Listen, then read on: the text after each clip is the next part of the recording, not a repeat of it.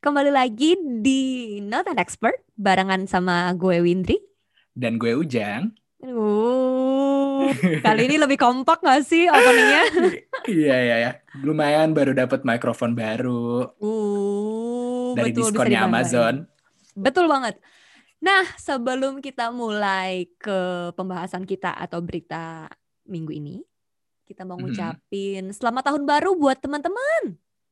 Masih ya, ini masih Januari, jadi masih tahun baru. Hmm, masih tahun baru dan ini adalah episode pertama kita sebenarnya tahun 2021. Jadi kita mau ngucapin selamat tahun baru. Semoga di tahun 2021 ini diberikan berbagai macam kemudahan mungkin dan juga keberuntungan. Nah, kalau menurut Ujang sendiri atau mungkin plan di 2021 apa sih? Aku tuh baru mau nanya, sebenarnya Win, lu tipe orang yang punya resolusi-resolusi gitu nggak sih? Soalnya gue tuh sering diskusi sama temen kan, ada temen yang nggak suka dengan resolusi tahun baru gitu, karena resolusi tahun baru tuh kadang kayak bikin frustasi kalau nggak kesampaian.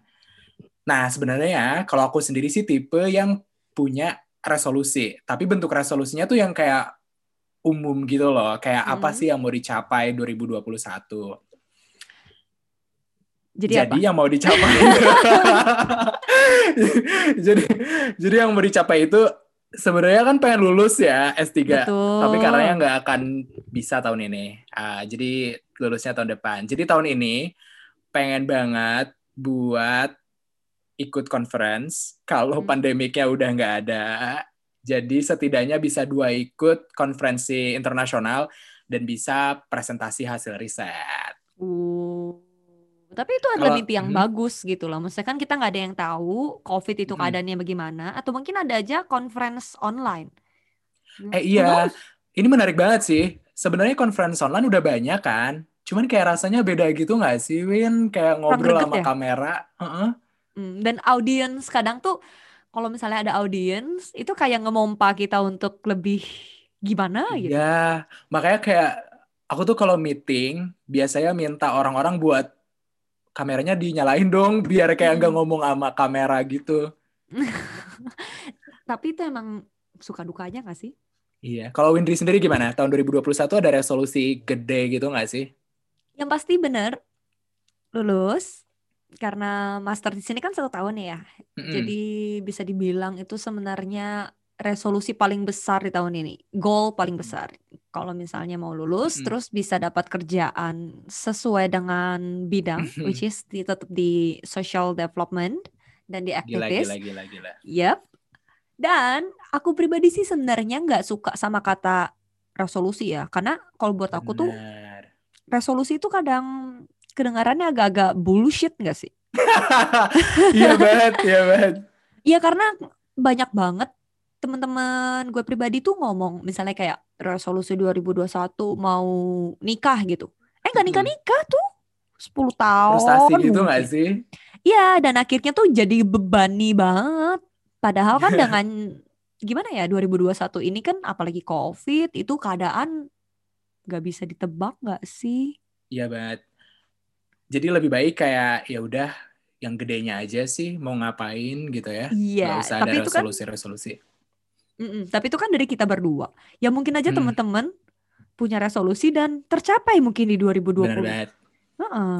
Jadi Kayak sebenarnya hmm, disesuaikan aja sih dengan keadaan, Iya. keadaan orangnya. kayak temanku sih suka ada yang bikin bucket list gitu loh, kayak Hmm. list apa aja sih yang mau dicapai pada tahun itu. Dan emang dia kecapean sih. Wow. Tapi butuh tekad banget sih kalau misalnya emang mau mencapai sesuatu yang kayak gitu ya. Mm-mm. Nah, by the way anyway, by blah, busway. Nah, jadi teman-teman, mungkin tahun baru itu, apalagi tahun baru 2021 ini banyak yang mikir kali ya. Mungkin hal yang baik aja datang. Ternyata tidak. Apalagi buat bangsa Oh, kita. no. Kita dilanda berbagai macam bencana, mulai dari Mm-mm. alam ataupun kelalaian sosial. Sosial. Lah, kenapa sih hari ini gue jelek banget? Ini kayaknya ini Dewen kayak lupa bahasa Indonesia kali ya, udah lama di sini. Nah itu kayaknya bisa diomongin di topik selanjutnya. Ah, nah, jadi karena gue itu pribadi tinggal di Banjarmasin, lahir di Banjarmasin, besar di Banjarmasin, dan mungkin teman-teman udah sering lihat beritanya, kalau misalnya memang Mm-mm. Banjarmasin lagi Banjar Bandang. Dan itu ternyata Mhm. pertama kali setelah lebih dari 60 tahun. Bayangin, Jang. Iya. Jadi lu di sana sebenarnya nggak pernah ada banjir segede gitu ya? Gak pernah dan itu jadi kebanggaan gue sih sebagai warga Oh, lu bangga sih Banjarmasin. sama banjir? Eh, Hey. enggak, enggak, enggak, enggak. Jadi bangga banget. Maksudnya kalau tiap kali orang nanya kan, ah di Jawa kan ada gempa bumi, ada macam-macam gitu. Apalagi waktu gue sekolah di Jakarta, masih undergraduate di, di Jakarta, itu selalu denger temen-temen tuh ngomong kayak, aduh banjir nih, aduh tiap bulan banjir. Apalagi kalau misalnya musim hujan gitu kan, hampir tiap hari. Terus gue kayak, di Banjar tuh nggak pernah. Oh, lu dulu Banjar tuh menyombongkan aman diri banget. gitu ya? Jadi emang sombong banget gitu. Dan mendadak kayak gini bayangin, Jang. Keluarga lu tapi aman aja di sana. Eh, Oke, jadi sampai detik ini banjirnya belum surut. Which is Oh sudah my hampir God. satu minggu lebih. Karena nggak ada solusi. Mm-mm. Jadi eh, penyebab banjir bandang di Banjarmasin itu sebenarnya ada tiga. Pertama, karena damnya terlalu penuh. Mhm. Jadi otomatis kan harus dikeluarin sedikit tuh airnya. Mm-mm. Nah, biasanya nggak apa-apa. Tapi tahun ini curah hujannya juga terlalu tinggi. Alhasil ya genang genang lah gitu. Terus Mm-mm. laut pasang, sungai pasang, Mm-mm. plus nggak ada hutan lagi. Nah, itu sih yang sebenarnya gue tuh penasaran banget. Mm-mm. Karena kan dibilangnya ini banjir bandang, gede. Padahal kalau gue lihat di berita lain, sebenarnya di Kalimantan itu hutannya udah mulai menyusut gitu. Maksudnya banyak ditebangin karena buat mining atau ke kelapa sawit. Itu bener nggak sih, Win? Bener banget. Jadi sebenarnya pertambangan-pertambangan atau apa pun yang lu ngomongin itu, itu tuh deket, deket, deket banget sama rumah gue. Jadi paling kayak cuma dua jam nggak sampai gitu kan, Mm-mm. sampai rumah. Dan gue sendiri tuh ngeliat banget dari waktu gue masih kecil, em, apa-apa gitu kan, ya udah sisa ke kebun, metik-metik ini, terus bisa makan. Terus kalau misalnya butuh misalnya duren, ya udah jalan aja naik mobil dua jam pergi ke dek- hutan paling deket, tanya sama warga lokal, Mhm. bayarnya murah banget, udah udah dapat segalon gitu. Mm-mm. Dan sekarang Mm-mm. hutannya udah mulai nggak ada, alhasil penyerapan airnya ke mana gitu. Nah Mm. makanya dengan adanya curah hujan yang tinggi karena global warming, Mm-mm. belum lagi karena hutannya itu makin nyusut, dan mungkin teman-teman nggak tahu bahwa ternyata hutan di Kalimantan itu adalah hutan paling besar. Itu kan paru-paru dunia ya. Ya, tapi kategorinya bukan. Jadi kalau kategorinya misalnya masuk ke kalau Amazon gitu kan, hutannya gede-gede, Mm-mm. pohonnya gede-gede, diameternya tuh gede banget. Karena itu sebutannya memang em, ancient forest. Nah, kalau Hmm. kita sebutannya ancient rainforest. Jadi Oke. volume kayunya sendiri itu pasti lebih kecil dan dibilang rimbun banget sampai nggak kelihatan matahari gitu nggak. Mm-mm. Tapi tetap aja ancient forest.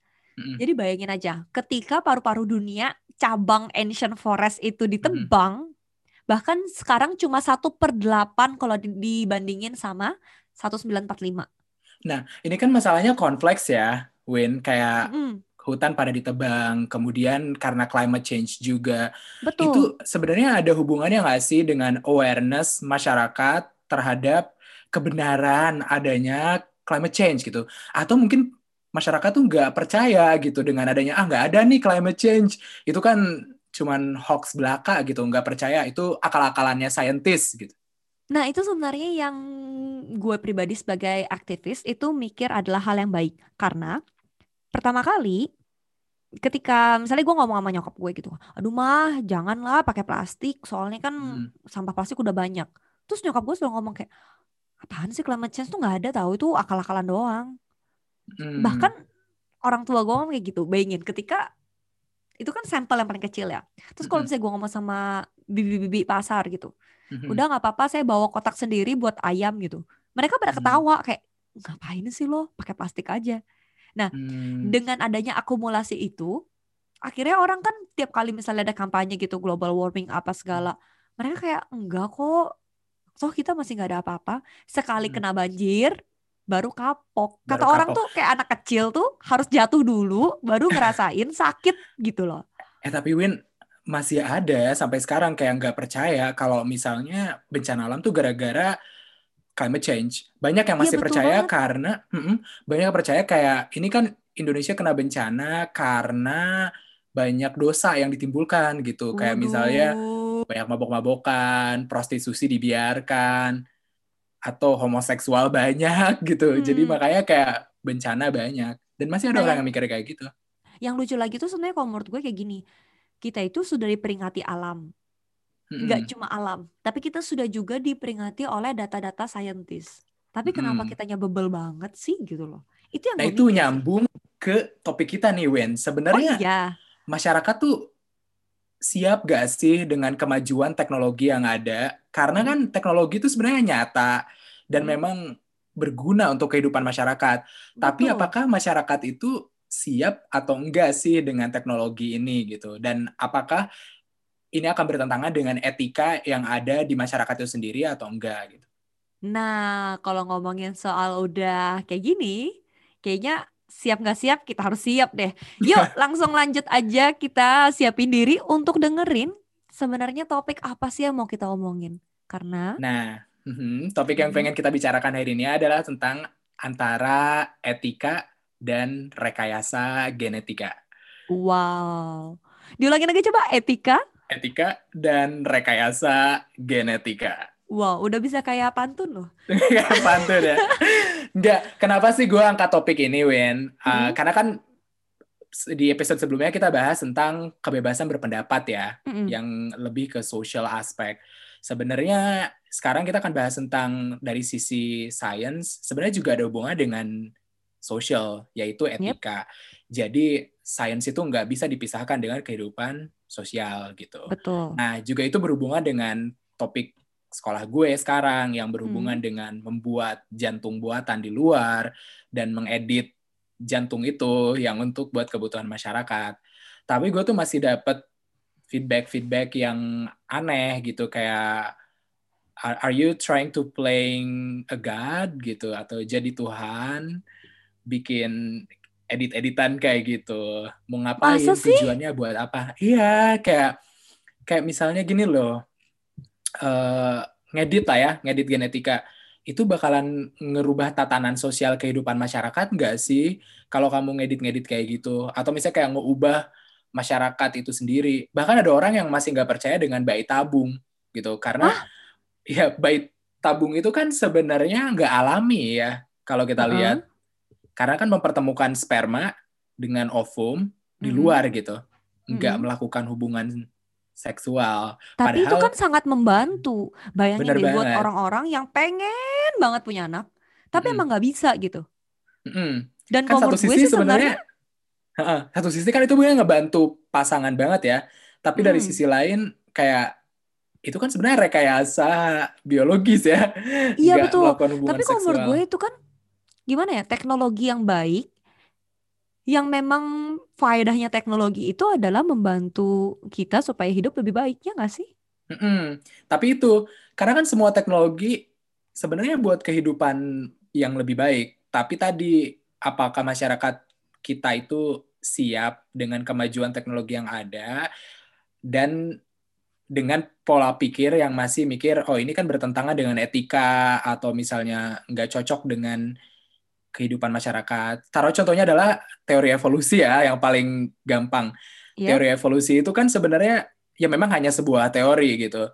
Tapi kalau kita lihat bukti-buktinya kan udah banyak kayak penemuan fosil, bahkan Indonesia jadi sumbernya itu sendiri. Tapi banyak masyarakat yang menganggap bahwa teori evolusi itu adalah bohong gitu atau Darwin itu adalah sebenarnya pembohong dan teori evolusi itu sebenarnya nggak ada. Padahal kalau kita pelajari evolusi lebih detail, itu hmm. banyak banget manfaat yang didapatkan. Uh, Misalnya ada orang yang memanfaatkan evolusi untuk membuat enzim. Jadi si si orang itu tuh yang dapat Nobel Prize, uh -uh. profesor tersebut merekayasa protein sehingga dia itu akan berevolusi dan membuat proses enzimatik itu jadi lebih cepat. Jadi proses reaksinya cepat gitu. Dan itu terinspirasi dari evolusi gitu. Wow. Jadi sebenarnya tuh satu teori, apalagi teori sains itu nggak cuma ngomongin soal sains doang ya. Mm-hmm. Ternyata malah menginspirasi karya-karya selanjutnya yang mungkin aja tidak berhubungan dengan teori itu sendiri. Iya nggak sih? Benar banget, benar banget.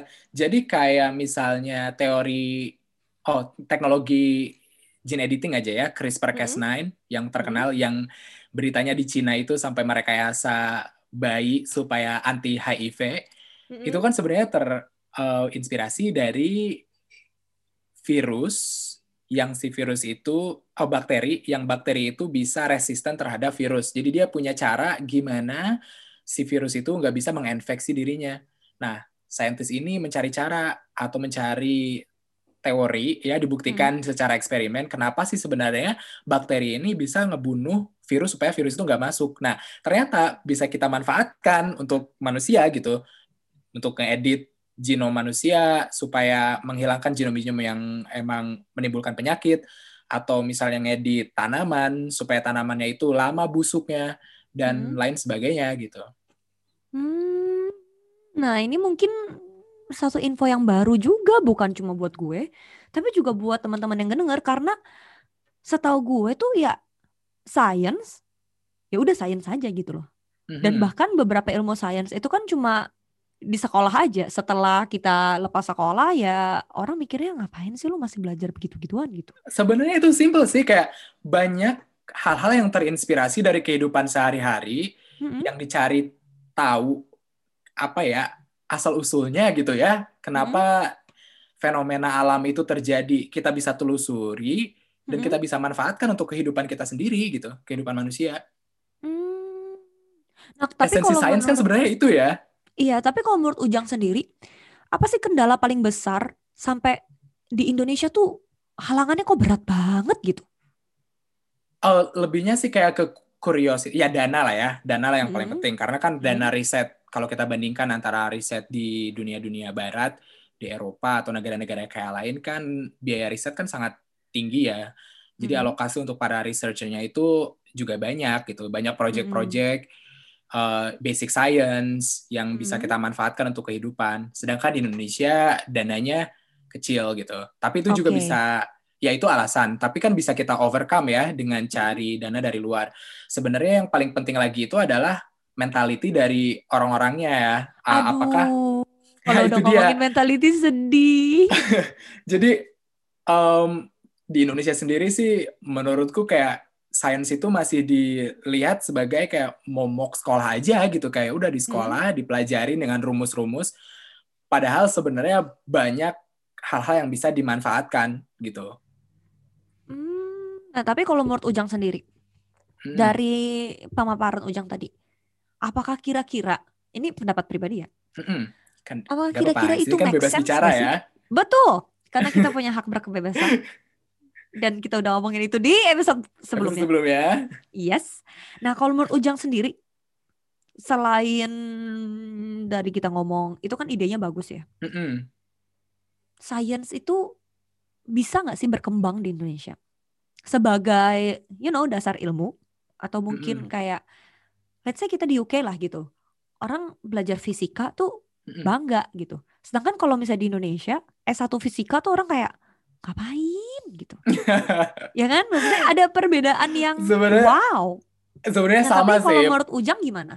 Iya sebenarnya problem itu nggak hanya terjadi di Indonesia. Ya, terjadi di sini juga. Kayak prospek beberapa prospek sains itu emang nggak terlalu tinggi karena memang perkembangannya nggak terlalu besar. Maksudnya perkembangannya nggak terlalu apa ya rocketing gitu loh skyrocketing huh? dibandingkan dengan uh, apa ya istilahnya dengan populasi manusia yang semakin bertambah tapi tapi kalau kita bandingkan dengan di Indonesia, minat sains di sini itu lebih tinggi dengan di Indonesia karena orang sini itu nggak ngelihat sains itu hanya sebagai mata pelajaran atau teori seba, se teori aja gitu, tapi juga hmm. ada manfaatnya. Kayak nggak penting nih orang sini itu kayak banyak hafal rumus-rumus. Yang penting tahu alasan. Yang penting tuh logiknya gitu loh ya, Wen. Logik oh. dan alasan mm-hmm. kenapa sesuatu tuh bisa terjadi. Bukan hanya menjelaskan teorinya, mm-hmm. tapi juga paham kenapa sesuatu itu terjadi gitu. Dan menurutku critical thinking yang kayak gitu sih yang di Indonesia mungkin teman-temannya sorry anak-anaknya mm-hmm. belum punya mentality sampai situ gitu. Dan nggak tahu hmm, juga alasannya kenapa. Sebenarnya challenging banget ya lebih kayak ke gimana orang kita menerima sains hmm. pertama sampai sains itu sebenarnya bisa diaplikasikan sehingga hmm. bisa berkembang. Dan itu dia tadi kayak mungkin dengan masalah etika yang ada juga sih hmm. kayak orang-orang di Indonesia mungkin agak takut untuk mengekspresikan uh, diri. Ini ada hubungannya dengan kebebasan bicara ya, kayak yes. mengekspresikan diri atau curiosity-nya karena takut dijudge atau hmm. takut berlangga be, apa namanya bertentangan dengan etika masyarakat yang ada gitu. Tapi gue setuju sih. Misalnya contohnya kayak gini. Bahkan buat temen-temen tuh yang sekarang lagi ngerjain vaksin di Indonesia, hmm tekanannya berat banget. Padahal kan hmm. kan sebenarnya kalau kita ngomongin vaksin, vaksin itu kan buat kesehatan kita bersama. Kok malah ditekan gitu ya gitu. Nah, tapi kan hmm. tahu sendiri, walaupun di UK sebenarnya anti vaksin, grup anti vaksin itu juga gede, hmm. cuma nggak se anarkis di Indonesia. Akhirnya kan orang-orang kita tuh jadi takut ya nggak sih? Hmm. Tapi ya, kalau iya buat Ujang sendiri gimana? Ya itu dia tadi karena eh, mungkin exposure kita terhadap fakta-fakta sains yang kurang kali ya ya mungkin ini juga kontribusi kita sih gue yes. sih sebenarnya yang kayak mm. perlu ikut mencerdaskan kehidupan bangsa dan ikut oh. mempromosikan perdamaian dunia gitu. Um, tapi gitu sih kayak informasi-informasi mungkin belum banyak ditangkap oleh masyarakat kayak informasi saintifik atau mungkin tadi cara membaca. Jadi masyarakat Indonesia menurutku lebih gampang menerima informasinya tuh kata si Anu atau kata si Anu atau ngelihat berita yang belum tentu benar. Padahal kita itu harus sebenarnya lihat sumber utamanya gitu sumber papernya. Kayak tadi gue kasih contoh tentang teori evolusi. Banyak banget orang yang bilang kayak oh ya teori evolusi itu nggak benar karena nganggap manusia itu berasal dari monyet Betul. Padahal kan siapa yang bilang manusia berasal dari monyet gitu? Apakah pernah baca paper aslinya dari Darwin? gitu kata si ini kata sini kata guru aku waktu SMA kan gini gini gini gini padahal kan, jadi kan kalau kita lihat ya? iya padahal kalau kita lihat paper aslinya sebenarnya informasinya beda dengan yang disampaikan orang-orang ya kayak hmm. vaksin aja misalnya mungkin aja kayak disampaikan sama berita eh jangan pakai vaksin ini vaksin ini kan efektivitasnya kecil gitu cuman sekian persen. Sedangkan vaksin lain gitu efektivitasnya tinggi 90%. Nah, apakah kamu tahu arti dari efektivitas vaksin 60% itu apa atau efektivitas vaksin 90% itu apa? Kan juga nggak tahu ya dipertanyakan. coba kalau lihat lagi ke papernya atau tanya ke ahlinya hmm. sebenarnya itu bisa ditemukan kenapa alasannya vaksin ini bisa dipakai di Indonesia gitu hmm. vaksin kok gue bahasa vaksin keluar ya. oh. ya Indonesia banget loh, Indo banget loh. nah itu okay. loh Win kayak mungkin critical thinking mentalitinya itu dan juga kemauan untuk membaca resources aslinya hmm. yang membuat kita itu agak tersendat gitu kemajuan sainsnya gitu karena nggak hmm. mau ngelihat sumber utamanya. Tapi gue setuju Alah, banget. Kata siapa kata siapa gitu. Iya, jadi kebanyakan karena kita kan communal base ya. Jadi mm -hmm akhirnya tuh kepercayaan sama masyarakatnya tuh kayaknya percaya banget. Misalnya kayak hmm. tante, om ngomong gitu, cenderung lebih percaya daripada apa yang kita lihat dan apa yang kita dengar sendiri dari misalnya kayak buku-buku pengetahuan atau hmm. podcast-podcast gitu.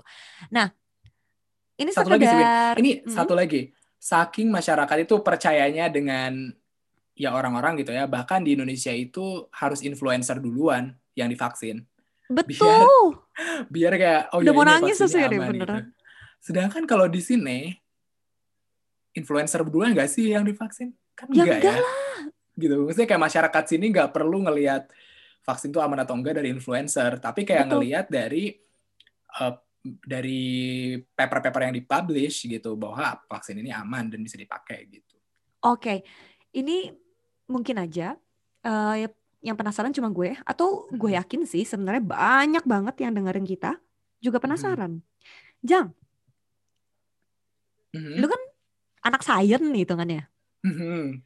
Nah, apa sih yang lu temuin yang beda banget antara sains di Indonesia dengan sains di UK? Yang bikin lo sampai kayak, oh ada tuh ternyata yang kayak gini. Mhm.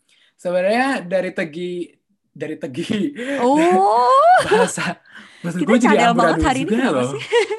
Iya kenapa ya hari ini tuh? Oh, cadel banget loh. Sebenarnya yang ngebedain itu adalah cara orang-orang sini ngelihat sains. Contoh ya, temenku itu bukan saintis. Maksudnya S1-nya nggak sains, tapi dari language gitu. Mm-mm.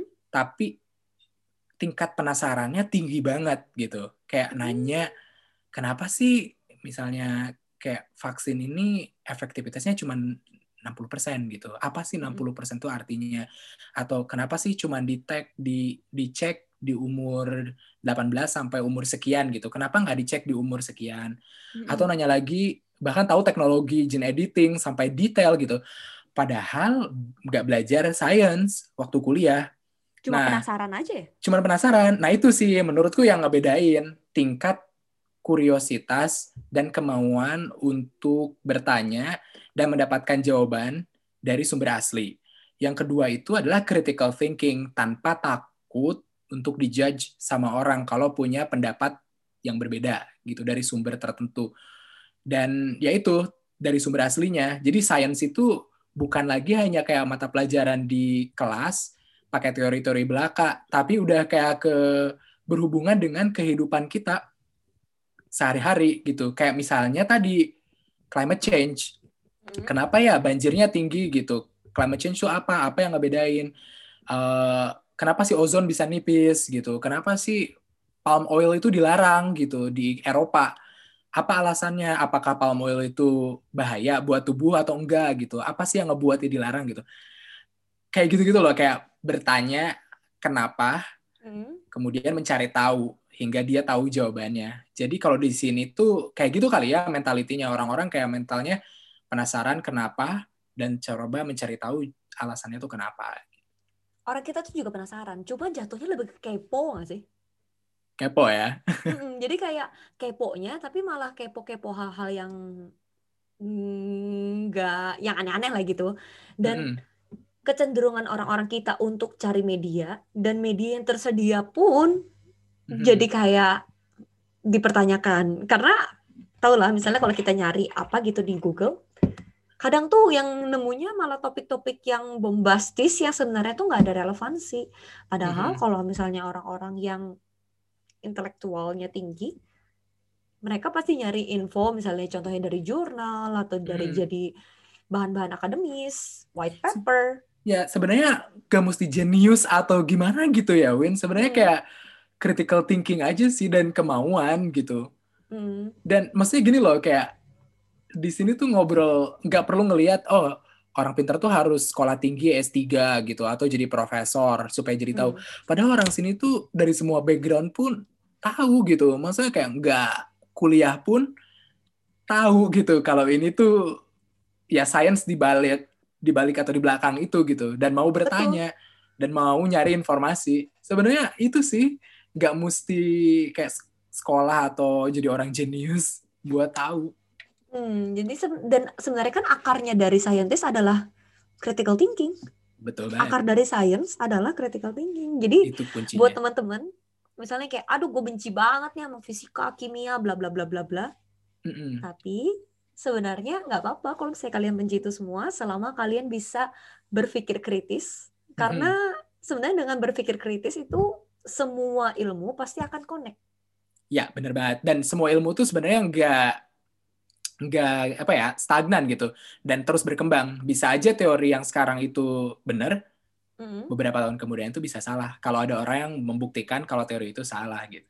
Oh, dan itulah gunanya para para mahasiswa PhD Betul sekali. Untuk me- untuk terus Mencari semua teori-teori Teori yang yang ada. ada. Ya. Oke, nggak berasa nih udah setengah jam. Oh my god. Ya, yang nggak berasa nih udah setengah jam aja. Berarti kita udah harus mengakhiri podcast kita. Karena Kita udah bicara dari mulai topiknya- banjir sampai Yes. science ya. Yes, dan kita udah ngarul ngidul ke mana-mana.